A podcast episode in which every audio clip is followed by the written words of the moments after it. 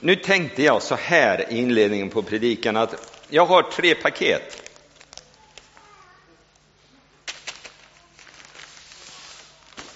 Och nu ska vi göra en omröstning. Hur många skulle vilja ha det här paketet? Upp med en hand. Nej, två, tre, fyra, fem, sex, sju, åtta ödmjuka, nio.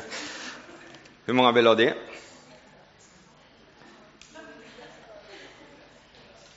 Ja, det är nog 20. Och hur många vill ha det? Det var inte så många. Nej. Ja, det är några. Yes. Då vet jag det. Då gör vi utdelningen sen. Hörrni, eh, jag trodde att alla skulle rösta på det stora paketet. Men det gjorde ni inte. Ibland är det så att vi tittar väldigt mycket på paketet. Men det kanske är lika viktigt att fundera på vem som ger paketet.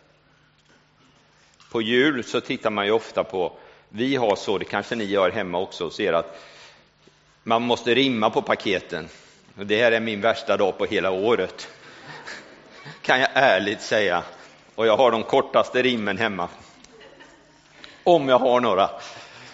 Eh, men däremot våra söner är, särskilt Oskar, han är expert på det där. Han kan ha en hel sån här sida.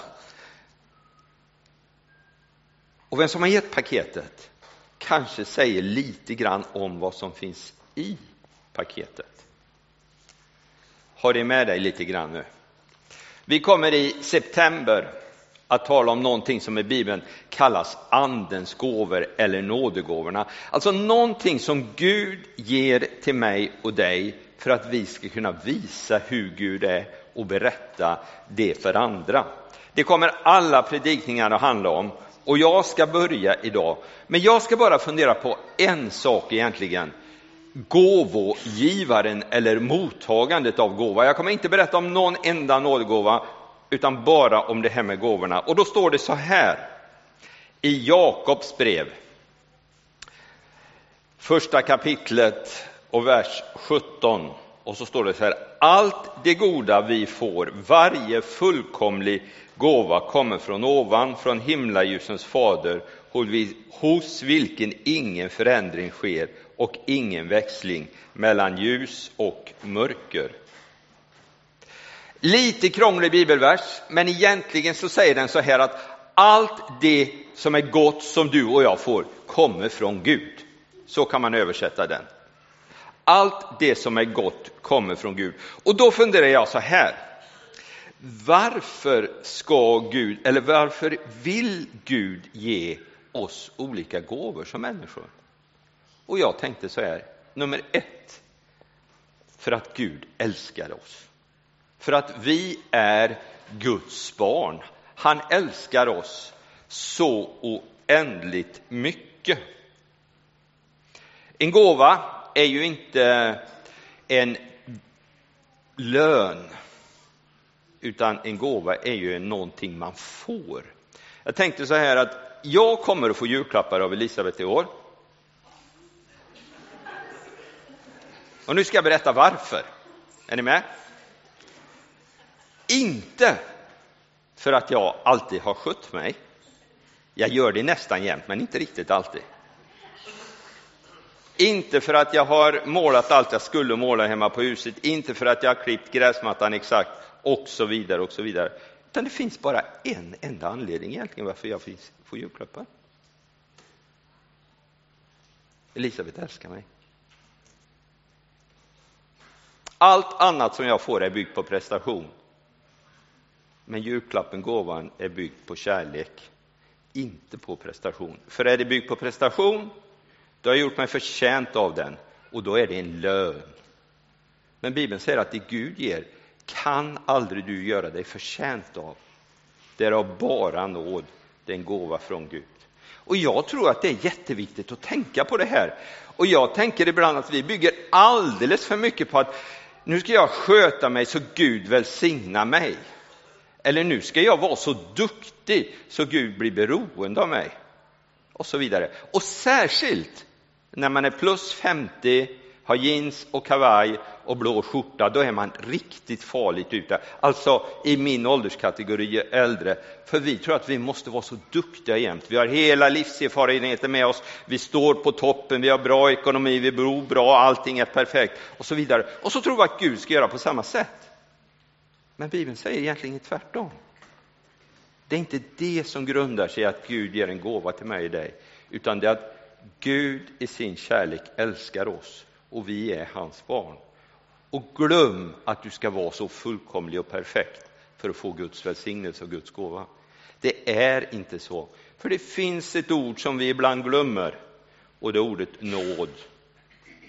Allting bygger på nåd. Det är därför det heter nådegåvor. Det är någonting som du av nåd får för att Gud vill välsigna våra liv.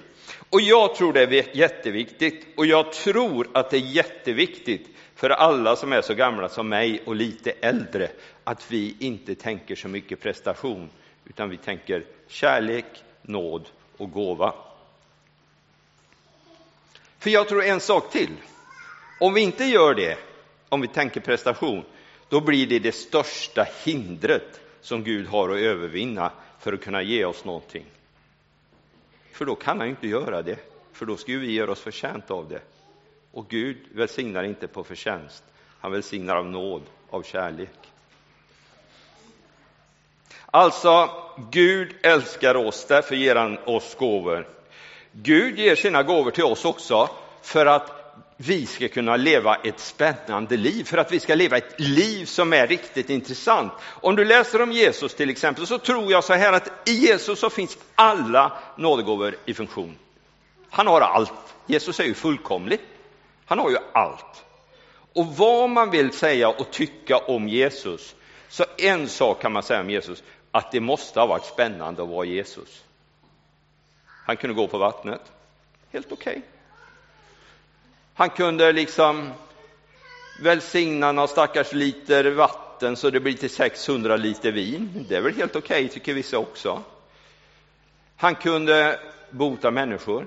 Han kunde liksom se vad som händer i framtiden eller vad som har hänt med människor som man inte kände igen. Han gör det med lärjungarna, han gör det med människor runt omkring. Alltså, jag tror att Gud i sin nåd har tänkt att det ska fungera i vår tid också, genom mig och dig, genom att Gud ger sina gåvor av nåd.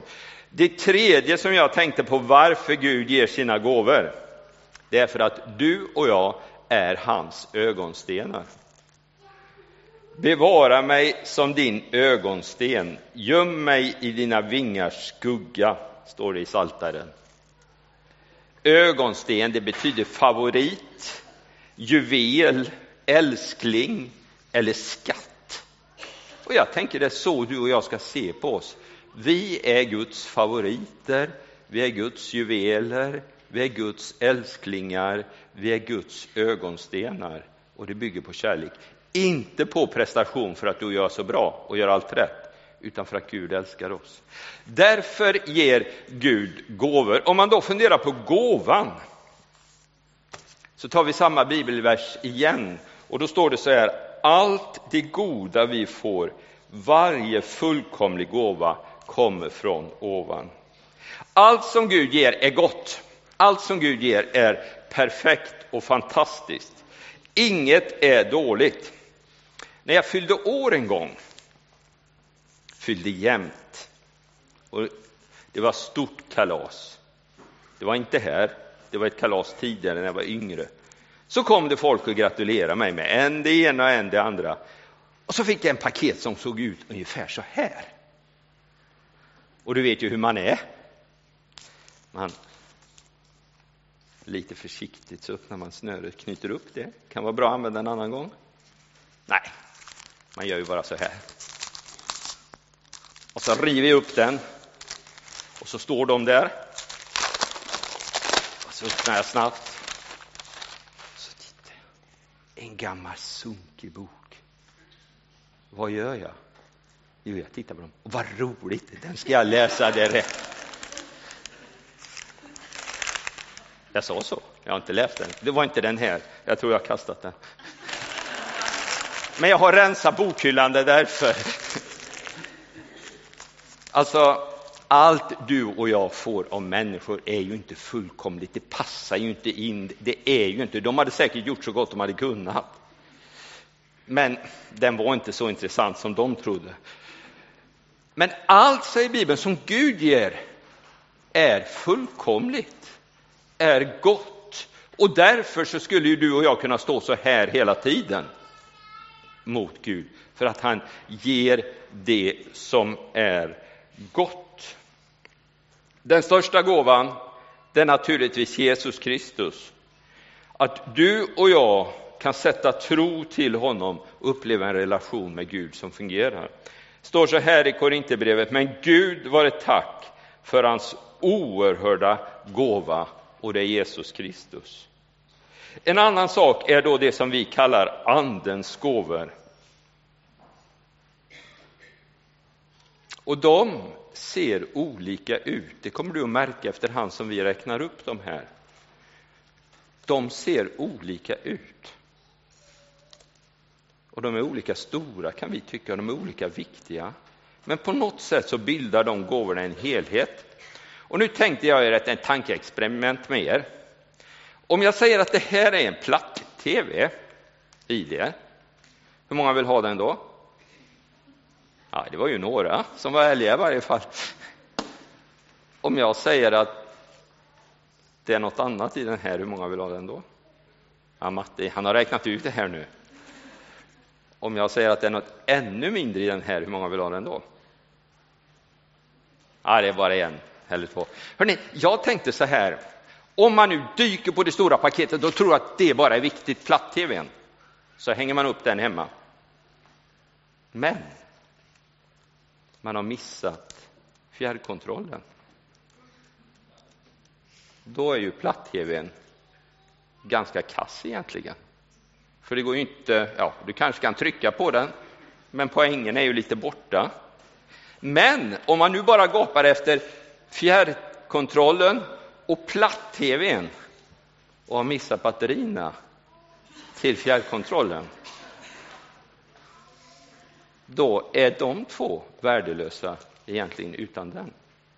Och så tror jag det är med Andens gåvor som Gud vill ge oss. Vi kan titta på utsidan och tycka den är viktig, den är stor, den vill jag ha. Men tillsammans så bildar de en helhet, en kedja. Och alla är då lika viktiga.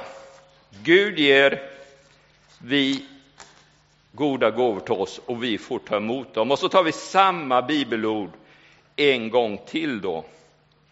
Allt det goda vi får, varje fullkomlig gåva kommer från ovan, från himlaljusens fader, hos vilken ingen förändring sker och ingen växling mellan ljus och mörker. Nu är jag mottagare. Och så kommer Martina fram till mig. Och Martina har fixat den här presenten till mig, den här gåvan till mig. Och nu försöker Martina på något sätt att överlämna den till mig.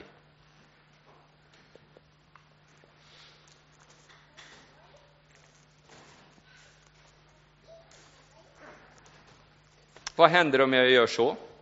Och det händer egentligen två saker. Nummer ett, antagligen blir Martina besviken på mig. För hon har ju skaffat den till mig för att jag ska ha den. Och nummer två, jag missar ju gåvan. Är ni med? Så båda är förlorare egentligen. Om man gör som jag gjorde, vänder ryggen till och är lite nonchalant. Martina blir ledsen och besviken och kanske sur och vresig på mig och det får jag reda på tisdag nu om hon har blivit det när vi träffas igen. Och jag får inte det som är i paketet. Bibeln uppmanar oss att göra precis tvärtom. Bibeln uppmanar oss att gå emot och ta emot paketet och liksom titta på den som ger paketet. Det uppmanar Bibeln oss. Och då tänker jag så här, det står i Bibeln så här.